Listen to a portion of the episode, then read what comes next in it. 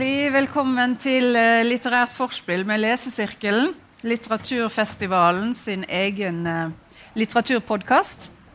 Som i anledning festivalen eh, lager en live, eh, livesending herfra. og Lesesirkelen den består av disse eminente leserne. Forfatter Pedro Carmona Alvarez. Litteraturprofessor Tone Selbo og kritiker og litteraturviter Kaja Skjerven eh, Målerin. Um, jeg heter Marit Eikemo. Jeg er kunstnerisk eh, rådgiver for festivalen og er den eh, privilegerte programlederen for dette panelet. Vi har også Tidligere i vår så har vi snakka om festivalaktuelle Ali Smith, Douglas Stewart, Natasha Brown og Linn Ullmann og Niviak Corneliussen. og deres siste bøker. Og alle disse podkastene ligger tilgjengelig, så dere kan høre når som helst som bakgrunn for de forfatterne dere skal møte i løpet av festivalen. I dag skal vi snakke om nobelprisvinner uh, Abdul Razak Gurna sin uh, siste bok 'Etterliv', som er hans fjerde bok på norsk. Uh, Gurna han fikk uh, Nobelprisen i litteratur i fjor, og inntil da så var vel han et ganske ukjent uh, navn for de fleste norske lesere. Og Derfor er det jo selvfølgelig ekstra gledelig at vi har Gurna som gjest her på festivalen. Det er veldig stas. og at Nobelprisen har gitt han så mange nye lesere over hele verden. Eh, Gurna kan dere senere møte i samtale med Hans Olav Brenner på festivalen og på torsdag. Og senere samme kveld på litterær festaften, der han skal samtale med den britiske debutanten Natasha Brown. Uh, Gurna han er oppvokst i Zanzibar, men bor i England. Og han er en av verdens aller fremste postkoloniale forfattere. Eh, og som i hans mest kjente roman 'Paradis', så skal vi også i denne romanen 'Etterliv' tilbake til Øst-Afrika like før eh, verden, eh, første verdenskrig. Og dette er hans eh, barndomslandskap også. Og det handler om, som i hans tidligere bøker, om koloniseringen av Afrika. Denne Koloniseringen av Afrika ble gjennomført med utstrakt bruk av leiesoldater. Eh, og Disse ble kalt askarier. Og de kjempa eh, en blodig krig i tyske skytstroppen eh, og på britisk side i Kings African Rifles. Lokalbefolkningen skulle altså domineres, men også siviliseres. I denne boka handler det om ei kvinne og tre menn, og hvordan livene deres blir helt avgjørende påvirka av, av, koloniseringen. Og to av de som det handler om her, de blir rekruttert i den tyske eh, skytstruppen. Så da har dere en liten innføring. Og Tone, kan du si litt om eh, dette samfunnet vi møter i eh, romanen til Gurna 'Etterliv'? Ja, vi møter jo på en måte både storsamfunnet i form av de krigsberetningene vi får, men kanskje den viktigste beretningen, eller det som på en måte er kjernen i romanen, er det livet som utspiller seg i en liten landsby rundt en kjøpmann som heter Khalifa. Uh, og hvor da en av de som har vært i en, den skytstroppen, som Askari, kommer og og så utfolder begivenhetene seg derfra. Men vi får på en måte en slags sånn dobbelt handling. Da. Både den store kollektive historien og den hverdagshistorien, som kanskje på en måte er det sterkeste her. For det er veldig Det er, det er ikke alltid at begivenhetene fra den store historien uttrykkes i hverdagslivet, for det er jo smertefulle erfaringer. Så ja.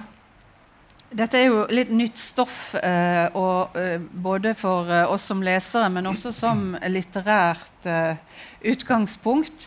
Eh, hvordan syns du det har vært å lese eh, romanen, Pedro? Jeg syns det har vært fint. Jeg liker jo romaner. Um, men um, jeg, jeg syns det var en veldig sånn En roman som er veldig, ganske konvensjonelt fortalt. Den er veldig tettpakka. Det er masse karakterer. Det er masse hendelser, det er masse altså Som uh, Tone sier, det er det lille livet som preger kanskje romanen i størst grad, og som da uh, nok kan være enig i er kanskje det, mest, det sterkeste her, eller det fineste portrettert, er, er disse relasjonene menneskene seg imellom. Og samtidig så er det, altså det historiske bakteppet såpass stort og og, og, og voldsomt. da, At det, det, gjør også enormt inntrykk.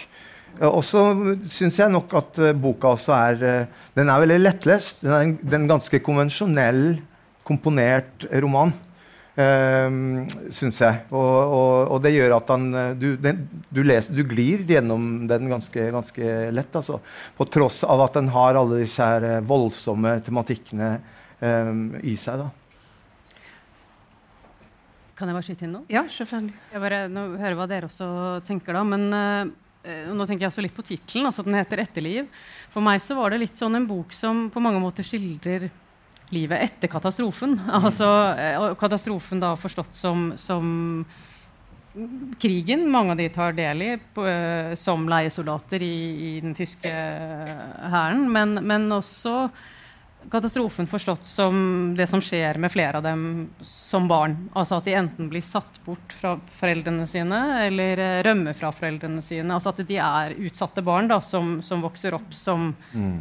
Utsatte voksne i denne kystbyen som vel ikke har et navn, så vidt jeg husker. Mm. Men som også er veldig Jeg syns også det var en utrolig interessant fortelling om handelsliv. Altså, ja. Og om håndverk. Eh, for denne, eh, altså, denne handelsmannen følger jo også Vi kommer sikkert tilbake til det utover i samtalen, men er jo også styrt, og, styrt av eh, konjunkturer i, i eh, markedet, holdt jeg på å si. Dette er jo på en måte kanskje før markedets tid, men, eh, men i hvert fall i emningen. Um, Uh, og dette at de begynner med trelasthandel uh, etter hvert, og, og, innføringen vi får i snekkeryrket, og de ulike tresortene og, og, møblene som kan lages av hvilke tresorter og sånn, den er ganske interessant på den måten òg. Mm. Jeg er helt enig, og det er jo noe av det mest interessante hvordan historien så å si forvaltes av sånne sanselige detaljer. Nettopp. Og lukter og lyder og det med tresortene og alt som befinner seg på lageret. Og det er jo liksom en begynnende kapitalisme vi ser her, helt klart. Uh, og hele dette hverdagslivet er jo på en måte veldig politisk fordi at det er så infiltrert i hele den overgangen fra tysk Øst-Afrika før første verdenskrig. Og så kommer hendelsene under første verdenskrig, som jo er veldig viktige for hva som skjer med samfunnet videre. Og så er det britene som tar over, og hvor disse, øh, disse, disse menneskene blir på en måte marionetter i en historie som de selv ikke får lov til å fortelle etterpå, men som forvaltes av eh, tapere og eh, primært seierherrer. Mm. Um, og så kommer da selvstyret i så vidt jeg husker, 1961. Da, og det er vel det som i dag er Tanzania, er vel der det, det foregår. da. Og hele dette spørsmålet om sivilis, hva er sivilisasjon, hva vil det si å sivilisere, eh, kommer også inn på alle mulige nivåer her. da. Så kanskje vi skal skyte inn også det at det er jo også et ekstremt uh, språkmangfold i denne mm. delen av uh, verden og det afrikanske kontinentet. Mm. På denne tiden er det selvfølgelig fortsatt. Men, men uh, og, og, man har denne um, handelstrafikken med India som at veldig mange av de karakterene vi møter, har jo også en indisk har i hvert fall indisk slekt mm. og indisk opphav i en eller annen forstand. og og det er, det er begynnende marked, men det er jo også um, stor piratvirksomhet. Altså I det mm. samme farvannet hvor det fortsatt er piratvirksomhet. Um, altså Hvor varer må smugles inn når det er blakader uh, for uh, ja, diverse um, mm. Mm. Dette med det språkfokuset til boka er jo veldig interessant. all den tid. Så dette handler da om, om denne altså Boka begynner med denne Khalifa, da, som er en, en, en, eh, altså Han er afrikansk mor og indisk far. Mm. Som, da, eh, som, eh, som, liten så Han er talentfull og har godt lynne og kan skrive og lese. Sånn at han blir sendt av, han får da muligheten til å jobbe for en kjøpmann da, som heter Amur Biashara, som tar han inn. Og og dette her er noe som reproduseres gjennom hele boken. Så de som kan skrive og lese, eller det å ville skrive og lese, eller det å ikke kunne skrive og lese, er helt tydelige markører hele veien. Eh, Khalifa er en av dem. Eh, så har du eh, em, denne Ilias, som da Khalifa blir venn med, som da er en av disse som blir med i denne Schutz-truppen. Eh, unnskyld at jeg har så dårlig tyskuttale, men det er lenge siden jeg har vært i Tyskland. Eh, men Ilias er da den andre. Han også han er blitt, eh, han er blitt kidnappet som barn og blitt tatt hånd om av en tysker som har lært han tysk og lese tysk og elsker det tyske. Og han også er en sånn menneske som får muligheten gjennom språket. Ilias viser det seg har en lillesøster som heter Afia, som da eh, har blitt satt vekk av foreldrene til disse, dette han har vært i krigen. Og lillesøster har blitt satt vekk til en onkel og tante, som egentlig er noen naboer, der hun jobber som en slags eh, slave. Og da broren redder henne og lærer henne å lese og skrive, så, eh, så får hun tilgang på språk, og så reiser da denne Ilias i krigen. Søstera blir sendt tilbake igjen, og fordi hun kan lese og skrive, så blir hun i en veldig drøys, altså hun blir skambanket av denne onkelen da, med en stokk. Fordi at det å skrive er på en måte, For en kvinne er jo amoralsk. ikke sant? Så hun blir, hele hånda hennes blir knust i dette. da. Så dette her med, så er, det det, så er det det symbolske at han treffer feil hånd. Han treffer feil hånd, ja. ja. Så hun kan fortsatt skrive. Men dette her med språk, skriving, tilgang på, på, på, på språklighet er helt, helt essensielt i boka. Altså. Ja, ja, det er, og det er kjempebra at du trekker opp liksom, historien her, for ellers blir det vanskelig å følge med i svingene. Men, og denne Hamsa som kommer da til landsbyen etter at Ilyas har dratt i krigen, så han på en måte har noe av de samme erfaringene til han som forsvinner, og de erfaringene de får vi ikke vite noe om før mot slutten. Men denne Hamsa, han har jo ikke hatt en sånn god tysk oppdragelse sånn som Ilyas, men han blir også favoritten til en offiser som lærer han tysk og blir veldig god i tysk. Og veldig ofte så må han skjule hvor god han er i tysk, fordi at det er problematisk. Og han blir jo gitt det på et, senere, på, på et tidspunkt, både Schiller og Heine, og skal lese dette og skjønner en del og later som om han skjønner mindre enn han gjør når han blir spurt, for ellers så virker det provoserende. Så det er liksom en slags sånn oppdragelse, men samtidig en straff. Du skal kunne noe, men ikke, så, ikke for mye. Og så er det vel kanskje også noe med Det er, jo noe, det er vel kanskje også en slags ironi i det at, uh, at midt i den sånn ekstreme brutaliteten som krigen er, uh, så skal de holde på med den tyske finkulturen. Som er uh, primært de tyske romantikerne, da. Ja, ja, ja. Og det er jo også interessant hvis man ser på det fra et sånt kolonialistisk med et sånt blikk. Og, så, og selvfølgelig, Boka handler jo om disse tingene også, men det der med, med liksom eh, eh, altså Hvem som bringer inn dannelse, hvem som bringer inn sivilisasjon, hva det vil si å være dannet. Hvordan disse menneskene blir avkrevd eh, altså De er hele tiden underdanige. Den, det forholdet mellom denne offiseren og denne Hamsa er jo en slags som, eh, hørte et eller annet Eirik Vassenden kalte det sånn en slags maskotfigur. Altså Du bruker liksom denne tjeneren, denne maskotten du, du, han, Den relasjonen er litt sånn Den er rar òg, for den tyske offiseren er veldig glad i denne Hamsa. Tar litt på han. Han må ligge på en matte ved siden av sengen og gjenta tyske setninger som han gir. Og han blir en slags venn, en slags maskot, en slags Også et litt sånn halvuttalt de- begjærsobjekt får vi også eh, inntrykk av. ikke sant? Og i andre sammenhenger så blir han rett og slett latterliggjort, slått, mishandlet. Så det er på en måte også den, der, den fullstendige dominansen her. da. Jeg gir deg dannelse, men det er på en måte definisjonen ligger her. da. Og det er liksom altså, jeg har skrevet det sånn imperiale altså det her Dannelsen som litt sånn tøff kjærlighet, på en måte. Her kommer vi liksom med, på, med våre helt sånn naturgitte hierarkier. da. Og må definere hvem som er dominerende, og hvem som blir dominert. Det er på en måte en forutsetning for dette verdensbildet. da. Og det går jo noen linjer rett opp til liksom den andre krigen som var i det forrige århundre, for å si det mildt. sant? Og de linjene skapes jo i romanen. Også, Det gjør dem også, ja. Absolutt. Absolutt. Og det hele spørsmålet om hvem skriver historien, versus hvem opplever den eller lever den, er jo veldig påtrengende her. For her hentes det fram deler av historien knyttet da i første omgang til første verdenskrig. Da.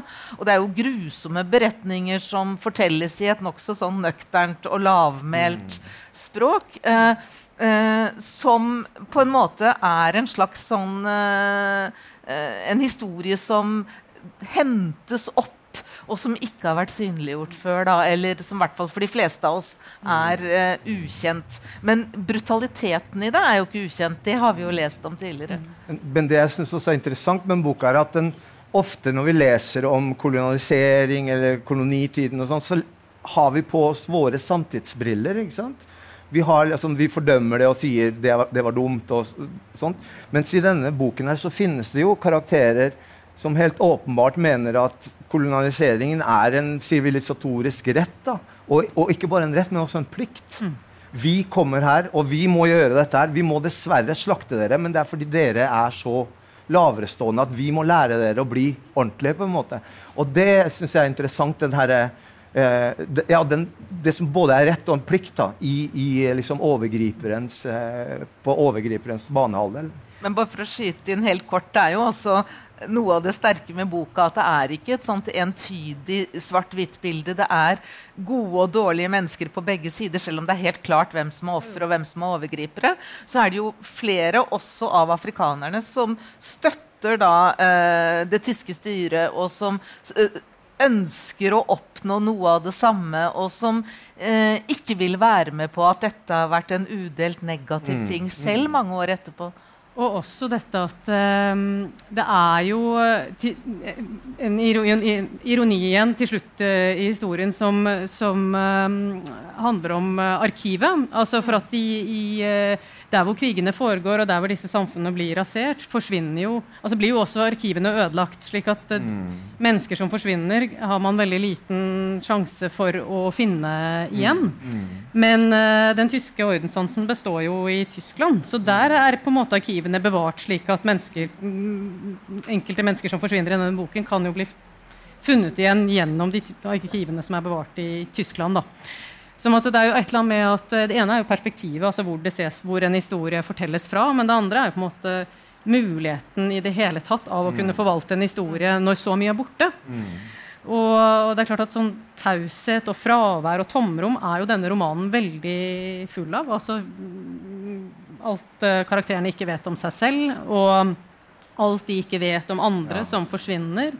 Og alt de går og bærer på selv. Det ble vel sagt om han der Hamsa når han går inn i skjotstroppen og angrer ganske fort. Eh, taust ulykkelig over hva han hadde gjort. Altså, mm det der store gapet da, mellom den indre verden eh, og den ytre om hva som ja. kan deles. Men det er jo interessant med han Ilias som da får en navne... Den forsvunne Ilias, som aldri kommer tilbake i løpet av romanens nåtidshandling. Han får en nevø eh, eh, som er da sønnen til eh, Ham Hamsa og Afia, som forelsker seg i hverandre og får hverandre og får et lykkelig samliv. Men der er det jo også noen sånne mysterier og noen sånne merkelige, uoppklarte hendelser. da, fordi at denne Ilyas reiser etter hvert til Tyskland og leter i arkivene etter sin onkel. Men før det så har han vært besatt nærmest. Eller han har hørt stemmer, han forsvinner fra omverdenen, og han blir utsatt for en slags sånn åndemagi, djevelutdrivelse. Og det som forundrer meg, er, eller som jeg har strevd litt med, da vil jeg gjerne høre hva dere syns om, er hva, det kommer aldri tilbake. Det blir aldri forklart. Og det er kvinnestemmer han hører. Og jeg tenkte kanskje er dette den forsvunne onkelen som snakker via ham. Men i så fall så er det en indirekte forbindelse. Um, eller er det noe jeg ikke har fått med meg? Du Pedro, du er glad i spøkelser. Jeg er glad i spøkelser. Nei, altså det, Jeg syns jo også det var et veldig interessant uh, øyeblikk i boka. akkurat det der, fordi at jeg tenker ofte at Når man leser fortellinger fra, om de andre, og i hvert fall når det gjelder fortellinger som har denne imperiale eller kolonialistiske bakteppet, så er det hele tiden en dragkamp mellom liksom det som er da den sivilisasjonen som man blir avkrevd. Nå skal du inn og lære deg tysk og lese Schiller, på en måte, men under våre liksom, forutsetninger. Det som blir den foretrukne kolonialistiske kultur, arven som disse menneskene skal ha fra nå av. Nå skal de lære å bli ordentlige folk, liksom. Og så har du det som er den undertrykte arven, som er den lokale arven. Alt det som på en måte blir forsøkt utslettet som mindre human, mindre menneskelig, laverestående etc. Jeg syns det er et, et øyeblikk i den boka hvor når denne unge gutten som blir kalt opp etter sin forsvunne onkel, mm. som er et stort stort sår i denne boka, at denne, denne onkelen som har redda, jente, redda mora, og som bare forsvunnet i krigen Ingen vet hvor han er. liksom. Når han blir kalt opp etter dette, så, når det barnet blir lite, så begynner han som du sa, å snakke med en kvinnestemme og leite i stemmen etter sin, sin mm. Det er jo veldig kraftfullt. da. Men når dette blir tatt tak i, så sier da eh, moren at uh, du må gå til le... Altså, det er, det er nei, nei, beklager. Nå roter jeg. Eh, dette her blir dre, drevet ut ja, med en lokal eh, troll... Altså, hva skal man si? En eller annen eh, kvinne som kommer inn da, og, og har gjort dette messer, i sikkert, mes, messer ut dette her da, og finner ut at det er en kvinnestemme etc. etc. Det fins et annet punkt i boka også, hvor en kvinne blir syk. og det er helt åpenbart at hun blir sykere og sykere. Og sykere. Mm. Og hun sier sånn Du må på sykehuset. Det fins et sykehus. Og så sier hun nei, jeg vil ikke på sykehuset. Jeg vil ikke ha noe med medisin å gjøre. De legene der, de vet ingenting. Jeg vil ha den lokale måten å leges på. Og igjen er det kvinner som kommer og messer og smører på alle mulige greier. Og så til slutt så så går jo ikke det bra. Men det der foretrukne, det at man går et sted som er på en måte imot det derre eh, dan, dannede tyske fremskrittsvennlige. Ja, det er interessant. Og det lykkes jo på en måte. Eller i hvert fall så hører vi aldri mer om at han besettes nei, igjen. Nei. Uh, mens eh, det legges opp til at det ikke skal lykkes. Mm. Uh, og det er en sånn litt sånn en plagsom beskrivelse, syns jeg. Ja, den er jo helt ja. pinefull. Men, men altså, jeg, må innrømme at jeg leste det der som at altså, Han blir jo oppkalt etter sin forsvunne onkel. Uh, som da er morens store sorg. altså at det er en sånn form for generasjonstraume han på en måte spiller ut. Da. At han er jo på en måte også, altså Gjennom navnet så blir han jo også bærer av morens sorg. Hver gang hun sier hans navn, så er, så er, det hans navn, og så er det også en som er borte. Mm. Altså en sånn dobbelthet som ligger i det navnet, navnet hans. da. Mm. Uh, og moren jo også, har jo også hun, hun, husker jo ikke heller sin mor. Uh, hun sier på et tidspunkt ganske tidlig i boken noe sånt som at at hver gang hun prøvde å forestille seg, eller blir fortalt om henne da, at hver gang hun prøver å forestille seg hvordan moren så ut, så ser hun bare for seg en av kvinnene i landsbyen. altså at Det kan være en hvilken som mm. helst person. da. Mm. Som at at liksom det som spiller seg ut i den lille gutten, jeg, tenkte jeg var en form for sånn at han bærer på sine forfedres sorg. Moren, ja. Det er morens sorg. Ja. Jeg, bare, jeg, bare, stiller spørsmål om liksom, Jeg var alt forbauset over at vi ikke hørte noe mer etterpå. Ja. For så forsvinner han på en måte ut av nåtidshandlingen, det, og så blir han borte. Ja. Det er så mye som bare forsvinner ut av ja. historien i denne romanen. Men jeg tenkte på det, den her eh, åndebesettelsen da, til denne gutten, når han blir liksom kurert for det. Mm. Men når han blir voksen og reiser til Tyskland og begynner å leite i arkivene og blir en berømt radioreporter, det er jo på en måte en videreføring av det. Det er jo å leite etter stemmer. Mm. Det er jo å finne stemmer. Ja, Å bli en stemme. Det, ja. det, som romanen gjør den, det, den siste biten av romanen er super, superinteressant, men den er også veldig kort. Mm. Og den går veldig fort. Plutselig så er det akkurat som han blir sånn Deadline på mandag. Og så, det, så, må det gå litt fort. da. Og det, det gjør den siste biten. Jeg syns jeg i hvert fall. Jeg vet ikke hva dere tenker om det. Men, men jeg tenker òg noe som du sa, Kari, dette her med han Hamsa, denne vennen til Khalifa, han som gifter seg med denne Afia, og som får dette Ilya-barnet som snakker med kvinnestemme. Da. da han kommer tilbake til landsbyen for å da Han har vært i krigen, han kommer tilbake dit han ble født, men han har heller ingen folk der igjen. Alle er døde, liksom. Og så blir han venn med denne kjøpmannsansatte, Khalifa. Og Khalifa spør han hele tiden ja, men kan du ikke si litt mer om deg sjøl. Jeg vil gjerne ansette deg, men du må nesten gi meg litt mer, sånn at ikke jeg, ikke veit at du er en banditt. Og så sier han eh, på et eller annet tidspunkt at eh, han spør meg om ting som om jeg hadde et helt liv, men jeg har bare et halvt liv. Mm. Og det, det, med halve liv det er noe som går igjen i mange personer, som du nevnte, Kaja, i romanen. Foreldreløse barn, barn som har mista foreldrene tidlig, barn som har blitt kidnappa, søstre som leiter etter brødre, brødre som har blitt borte, nevøer som leiter etter onkler. Det er alltid noen sånne lakuner da, i alle disse relasjonene. Og det er vel kanskje det også som gjør at de relasjonene som faktisk finnes i denne landsbyen, blir så fint portrettert. fordi at der finner de en eller annen slags nærhet da, i, i, hverandre. Da. Og selv om de, de, snakker ikke så veldig mye om sine traumer, men det er helt åpenbart at de liksom eh, tiltrekkes hverandre pga. de også. Da. Men Det var veldig fint sagt, syns jeg. Og det gir på en måte slutten for meg nå plutselig en litt ny dimensjon. For kanskje det som virker litt abrupt og litt for raskt når man leser det første gang. Eh, og man tenker her ligger det en hel historie i seg selv som burde vært bearbeidet mer. Men det er jo en mening i det at han trekker liksom hele linja fram til og med eh, Auschwitz. Til Auschwitz. Ja. Og Og det som er poenget der, er jo at bruddet mellom far og sønn eh, ikke oppstår Eller vil si det, de følger hverandre i døden, da, fordi at mm. sønnen til Iljas uh, må ikke være med faren i Auschwitz, men han velger å bli med. Og det blir fortalt tilbake i landsbyen. Sånn at mm. det trekker trekkes noen sånne forbindelser, eller det, en slags forsoning i en viss forstand. da. Så er vel dette kanskje også en, en side ved tittelen. Altså etterliv betyr jo kanskje først og fremst livet etter døden. Eh, som, som, og, og, hvor, for hvor fortelles det fra i denne boken? Det ja. fortelles jo etter eh, ja. døden til ja. alle disse menneskene. altså den oppgaven Gunn har tatt på seg, er vel, er vel nettopp det å altså, Det er jo et minnearbeid på mange måter, kunne man kanskje si. Mm.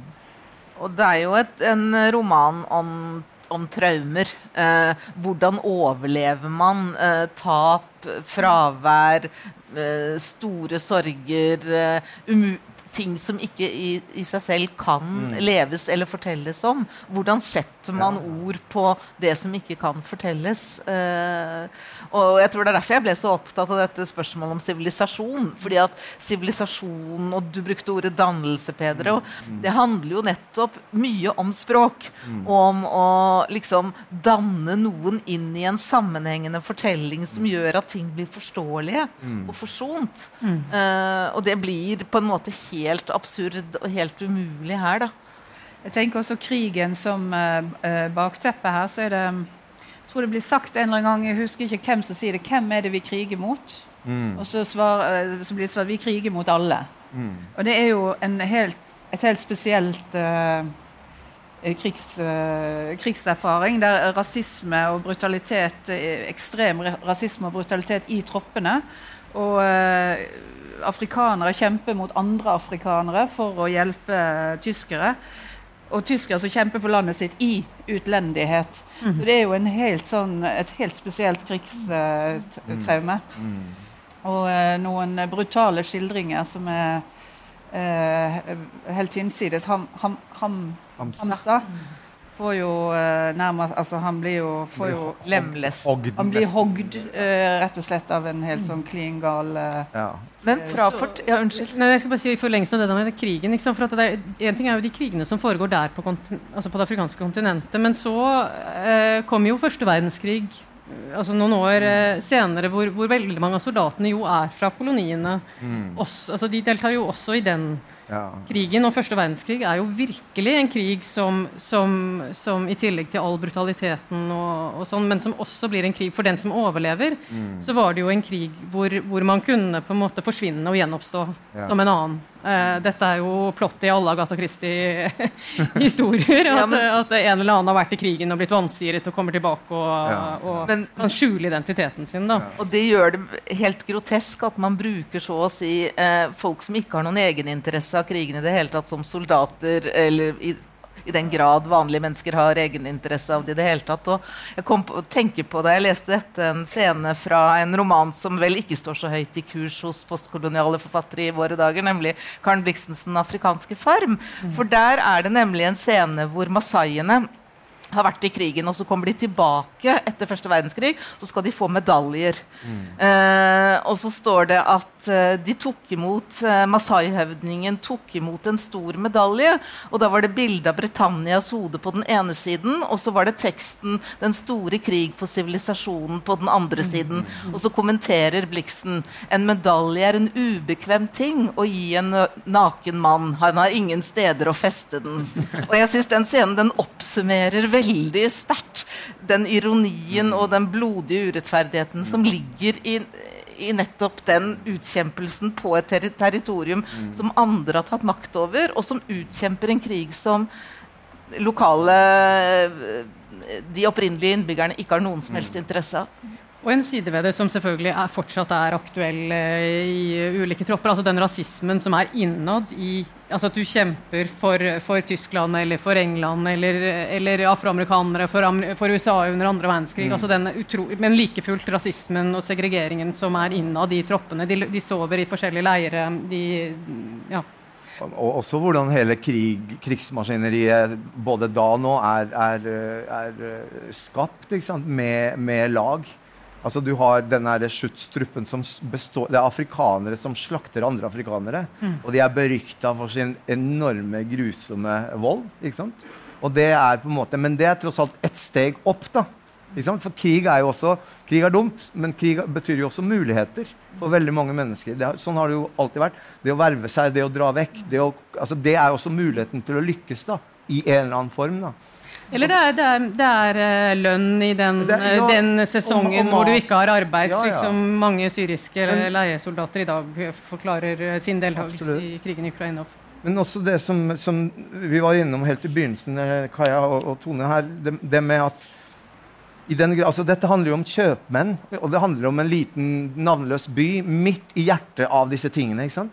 Så det er også en slags sånn derre- det er også en slags følelse av å være midt i malstrømmen. Det er liksom Overalt ellers så er det grufullt, men inni der da drikker de te og spiser litt fisk. og Forelsker seg. og- forelsker seg ikke sant? Og, går, og, og, og driver mye med sladder. Ja, og sånn. det er veldig fint. Og så lager de disse møblene. Og jo etter hvert som krigene forandrer liksom, form, så kreves det andre ting. Altså, kjøpmennene har jo også altså krigen som eh, ikke sant? De, de, de reflekterer i veldig liten grad, selvfølgelig, for det har de ikke tilgang på.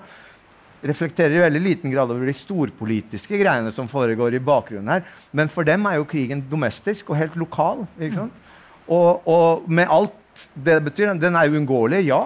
Men den er også nødvendig av og til for noen av dem. Men den er også en mulighet. sant? De begynner å smugle varer. Selge, de blomstrer jo. Butikken går bra. ikke sant? Krig er jo bra for økonomien òg, på mange måter. Så. Så er det noe med kjønn her, da. Ja. Det burde vi kanskje bare Absolutt. bemerke. absolutt. altså, ja. Vær så god. Nei, nei, nei, bare at, bare at det er eh, at, at kvinnene, altså menn og kvinner i denne romanen opplever eh, de historiske begivenhetene veldig ulikt. Veldig ulikt. ja. For eksempel eh, bare i kraft av at kvinnene er jo ikke i hæren. Eh, og, og er selvfølgelig utsatt på en annen måte for vold enn en mennene i det hjemlige. Altså, det er jo i, i hjemmet volden skjer mot kvinnene, Ja, ikke ja. ute Absolutt. på slagmarken. Absolutt. Men det er jo en kjærlighetserklæring til det lokale livet. Ja, ja. Til det vanlige livet. Til de alminnelige følelsene. Til arbeidet. Til s- samværet, fellesskapene osv. Det er jo noe av det vakre her, syns jeg. Og noe annet som har slått meg, og som jeg syns er påfallende, er at det raseriet som blir beskrevet her, det blir beskrevet eh, blant tyskerne, f.eks. Når eh, Hams, eh, Hamsa blir straffet nærmest av en offiser eller en underoffiser fordi at en annen offiser eh, eh, favoriserer ham. Mens Raseriet finnes i veldig liten grad eh, i de eh, afrikanske samfunnene som blir beskrevet i de samværene. Der er, er den type voldelig raseri eh, i liten grad fraværende, bortsett fra når det gjelder den eh, histori grusomme historien med Afia som blir kuttet av hånden nærmest, eller ja. hånden blir skamfert av en sadistisk eh, stefar eller, eller onkel. Da. Eh, og der kommer jo kjønnsperspektivet inn, ikke sant? fordi at kvinnene skal eh, holde seg på en viss plass. Men um, det må jo også si Det er jo også en kjærlighetsroman. Ikke sant? Og, og jeg, vært vant til å lese så mange romaner og, eller sett så mange filmer der hvor liksom hvis det er to som elsker hverandre, så tenker de 'å nei, nå går det dårlig'. Ja. Men i denne boken her så går det faktisk Det er veldig sånn, uproblematisk og veldig fint skildret at altså, Hamsa, den lemleste soldaten som var blitt hogd i, hogd i, uh, i uh, hofta altså virkelig altså, holdt på å blø i hjel, blir tatt hånd om av en katolsk prest opp på et sånt misjonshus som ligger forlatt et eller annet sted. Kommer seg tilbake til denne byen der han ikke har noen, men det er det eneste han har i livet. Og så blir han da venn med Khalifa, som da har denne unge jenta boende hos seg, som er brorløse, ikke sant? fordi broren har forsvunnet. Og så blir de glad i hverandre, og det, og det er fint beskrevet. da. Det er jo det. Og så bor han i et sånn kott, han har matte på gulvet, og hun er inne i huset, og de ser på hverandre. det, er sånn, det er jo litt sånn Hæ? Ja. Det er veldig, veldig sånn, sånn Jeg fikk litt sånn såpeoperaskjønnhet over Men også over fordi at det er helt uventet. Fordi at uh, hun som er gift med, med Hamsa, hun er jo utgangspunktet ja, ja, med. Med, unnskyld, med Khalifa. Uh, beklager. Hun er jo så skeptisk til at Afia skal ut og treffe andre. Ja. Og passe på henne som en smed. Og det ligger jo an til en sånn æreskodeks her som Og dette kommer ikke til å gå bra. Mm. Alle våre lamper tror jeg lyser når vi leser dette her. Og så får man liksom happy ending i stedet. Det var, det var, jo veldig fint i en sånn voldsom roman som har det her, eh, den malstrømmen da, rundt med så mye grusomme ting. Ja, for... At det der gikk bra. ja, ja, og også fordi at den er jo stor og dyp, den kjærligheten. Mm. Altså, den har en såpeoperahimmel, men den har også det at de har en sånn intuitiv forståelse for hverandres traumer. da. Absolutt. Eh, ja, ja. Sånn, eh, sånn, for øvrig så er den jo ganske interessant, den relasjonen mellom eh, kona til eh, Khalifa og, og denne Afia. Ja. Altså, kvinne er av og til kvinne verst også. Det er ikke bare sånne harmoniske kvinnefellesskap i denne romanen. Nei, det er det. Det er ikke det, men det, det starter jo som et sånt skeptisk forhold. Det, eller det går litt i bølger, da. Ja, ja. Ja. Og det er ikke så lett for den eldre å se den yngre vokse til og, og bli et begjærsobjekt uh, for mennene osv. Mm. mm. Jeg syns også det er utrolig fin, den kjærlighetshistorien. Og, og, språklig så er det jo også så enkelt beskrevet som det går an, og likevel så er det Eh, jeg tror eh, han, eh, Hamza sier en gang de har vært sammen, at dette er så vakkert at jeg har ikke ord. Mm. Men jeg har, jeg har, ikke ord for hvor vakkert dette er. Og det er liksom det som ja. de har sagt. Og så når de har ved en annen anledning så sier hun du skreik. Var det av smerte i beinet? Nei, det var ekstase. Men hun litt sånn stramme, sinte Uh, kona til uh, Khalifa, hun bærer jo også på en stor sorg fordi hun ikke kan få barn. ikke sant? Sånn at du har Alle har sin historie. Og, og at hun ikke fikk velge selv. Hun og fikk ikke velge. Nei, hun ble gitt bort. ikke sant? Ja. Hun viser vel også veldig omsorg da, for uh, den unge Når hun mister sitt, i, i, sitt første mm. mm. svangerskap, så er jo dette forholdet mellom ja. den eldre og den yngre, eldre og den yngre kvinnen ganske mm. godt før det begynner å kjølne igjen. Mm. Så det er, ja, det er som du sier, det går i, i bane. Eh, altså Gurna gjør jo helt uten tvil et veldig viktig eh, opplysningsarbeid eh, i, med denne eh, romanen om kolonisering av Afrika. Eh, og nå er det postkoloniale litteraturen et veldig sånn brennbart eh, Brennbart over, overalt, egentlig. Ikke minst i, i det britiske. Så Eh, hvorfor tror dere det, at dette er så viktig og oppleves så aktuelt akkurat nå? Ja, de har jo, altså, nå, nå har jo faktisk britene i ganske mange år etter hvert vært eller på, Hvis vi snakker om britiske institusjoner, da, sånn som mm. universiteter og, og forlag, og sånn, så har man jo vært veldig opptatt av å nettopp prøve å sette et kritisk søkelys på kolonihistorien. For britene har jo en lang og sterk og problematisk kolonihistorie. Uh, så det er jo ikke dette har liksom ikke startet i går, da. Men det er jo interessant at sånn som Gurna, som har, skrevet, som har, skrevet, i mange år, og som ikke har vært et navn som alle har visst om, nå hentes fram. Og jeg kan ikke gi noen forklaring på hvorfor det liksom er veldig sterkt nå, men det er jo noe med at man begynner å legge grunnlaget for en type alternativ historieforståelse, og man ønsker å hente fram ja, de historiene som historikerne ikke har fortalt, da, eller eh, de historiene som ikke er generalenes historie, men som er en annen historie. Og se at her finnes en verden utenfor eh, som har hatt stor betydning også for det livet som leves i Storbritannia i dag. Da, hvis vi holder oss til Storbritannia. Og det har vi jo veldig mange samtidstekster som vi også har snakket om her, og forfattere som er her på festivalen, som belyser at ja, vi snakker om det postkoloniale, men kanskje kan vi fortsatt også snakke om det koloniale. At eh, kolonialismen lever videre Mm. på veldig mange forskjellige måter. Ikke minst i form av rasisme Ja. i det britiske samfunnet, da, som jo høyst, er høyst levende, må man vel kunne, kunne si. Ja. Men kanskje har det også, jeg vet ikke hva dere tenker, men kan jo hende det har noe å si også det at, at tiden går, da. Altså at det er nye generasjoner som kommer til, og som leser historien på, på andre måter og stiller helt andre typer spørsmål enn en foreldrene gjorde. Eh, altså at Jo lenger man på en måte mm, altså, kommer bort fra, fra de fæleste eh, hendelsene, så, mm, jo liksom, det åpner seg et annet type landskap. Da, et større rom kanskje for å stille spørsmål og, og reflektere. Tank, større tankerom, rett og slett. Og større krav også om at nå må det være mulig å utforske disse tingene på litt andre premisser enn fordi at disse, altså, Det har jo alltid vært veldig strenge premisser for hvordan disse tingene blir lest. Altså Historiefaget uh, er, jo, er jo på en måte den, altså, det, man sier at den skrives jo av hvem, hvem er det som skriver disse beretningene? Hvem er det som har, em, hvem er det som har, eh, som har eh, makten til å liksom forvalte disse historiene også? Og så mange av de konfliktene vi har i verden i dag, som på en måte er direkte lenka ned til disse tingene her. ikke sant? Som går på ja, rasisme. Hva er rasisme? Jo, det er liksom det å, å si at du er bedre enn en det her fordi det og det. sant? Men, men du har også så enormt mye vold i, i, i, bakspeilet her. Sant? Som, og vold er jo, og dette vet man nå gjennom liksom, eh, genetiske studier, det setter seg jo i Det er jo ikke noe som bare liksom forsvinner med far. liksom. Det setter seg i kroppene til folk. Og det er jo noe som trenger å forvaltes på en, med nye blikk og nye måter. da.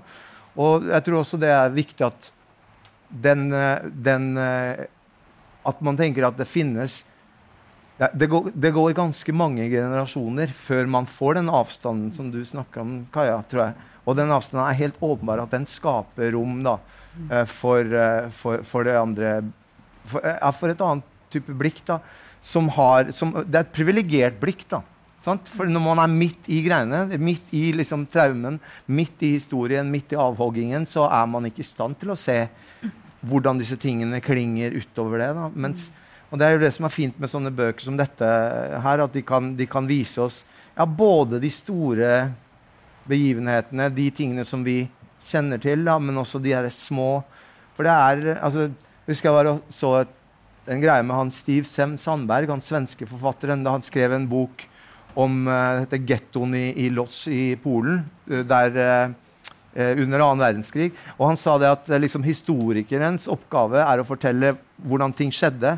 Men romanforfatteren så er det å fortelle hvordan ting føltes. Og det er kanskje litt cheesy, men det er litt sånn sant også. At kunsten kan jo Det, er jo, det har jo med empati å gjøre også. sant? Det er jo det Balzac, 1800-tallsforfatteren, sa i sin tid. At, eh, at jeg ønsker å fortelle den his historien som historikeren har forsømt. Ja, sånn. Eh, at du forteller liksom Romanens oppgave er å fortelle liksom historien fra gateplanet. Så, men altså, vi skal jo ikke sette oss på vår høye hest. Jeg går ut fra at tiden går nå. Men at vi kan jo bare minne om at uh, det stilles jo andre spørsmål til historiefortellingen her hjemme òg. Og det bør det jo gjøres. Og det bør åpnes opp for andre spørsmål. Og hver generasjon har sitt perspektiv på historien eh, som er et annet enn den forrige generasjonens. Og det er jo ikke sånn at kolonialismen er borte. Det er bare at ordet brukes ikke lenger. Men imperial makt og maktmisbruk, det er jo, for å si det mildt, ganske midt oppi samtida vi lever i òg. Og så tror jeg vi må si at eh, brexit også hadde noe å si for den tematiseringen av denne typen problemstillinger i Storbritannia. Da. Altså hva det har hatt å si på bestemte deler av befolkningen. Altså en helt, så det er en helt konkret historisk hendelse. Absolutt. Absolutt. Og jeg vil bare også minne om at det kommer en eh, veldig eh, skarp, anerkjent britisk journalist og sakprosaforfatter til, Lillehammer som heter Satnam Shangera. og Han har skrevet boka 'Imperieland', som eh, nettopp tar opp disse tingene. At hvis Storbritannia skal forstå seg sjøl som nasjon, så er de nødt til å konfrontere sin egen fortid som kolonimakt. Og det er jo et tema som de skyr i Stor Storbritannia. Så her er jo et veldig godt eksempel på at romankunsten går foran eh, både myndigheter, institusjoner og historikere. Tusen takk for en veldig opplysende samtale og innføring i både Gurnas eh, etterliv, men også i eh, eh, postkolonial litteratur. Eh, hjertelig eh, lykke til. god tur videre på festivalen. Takk for at dere kom.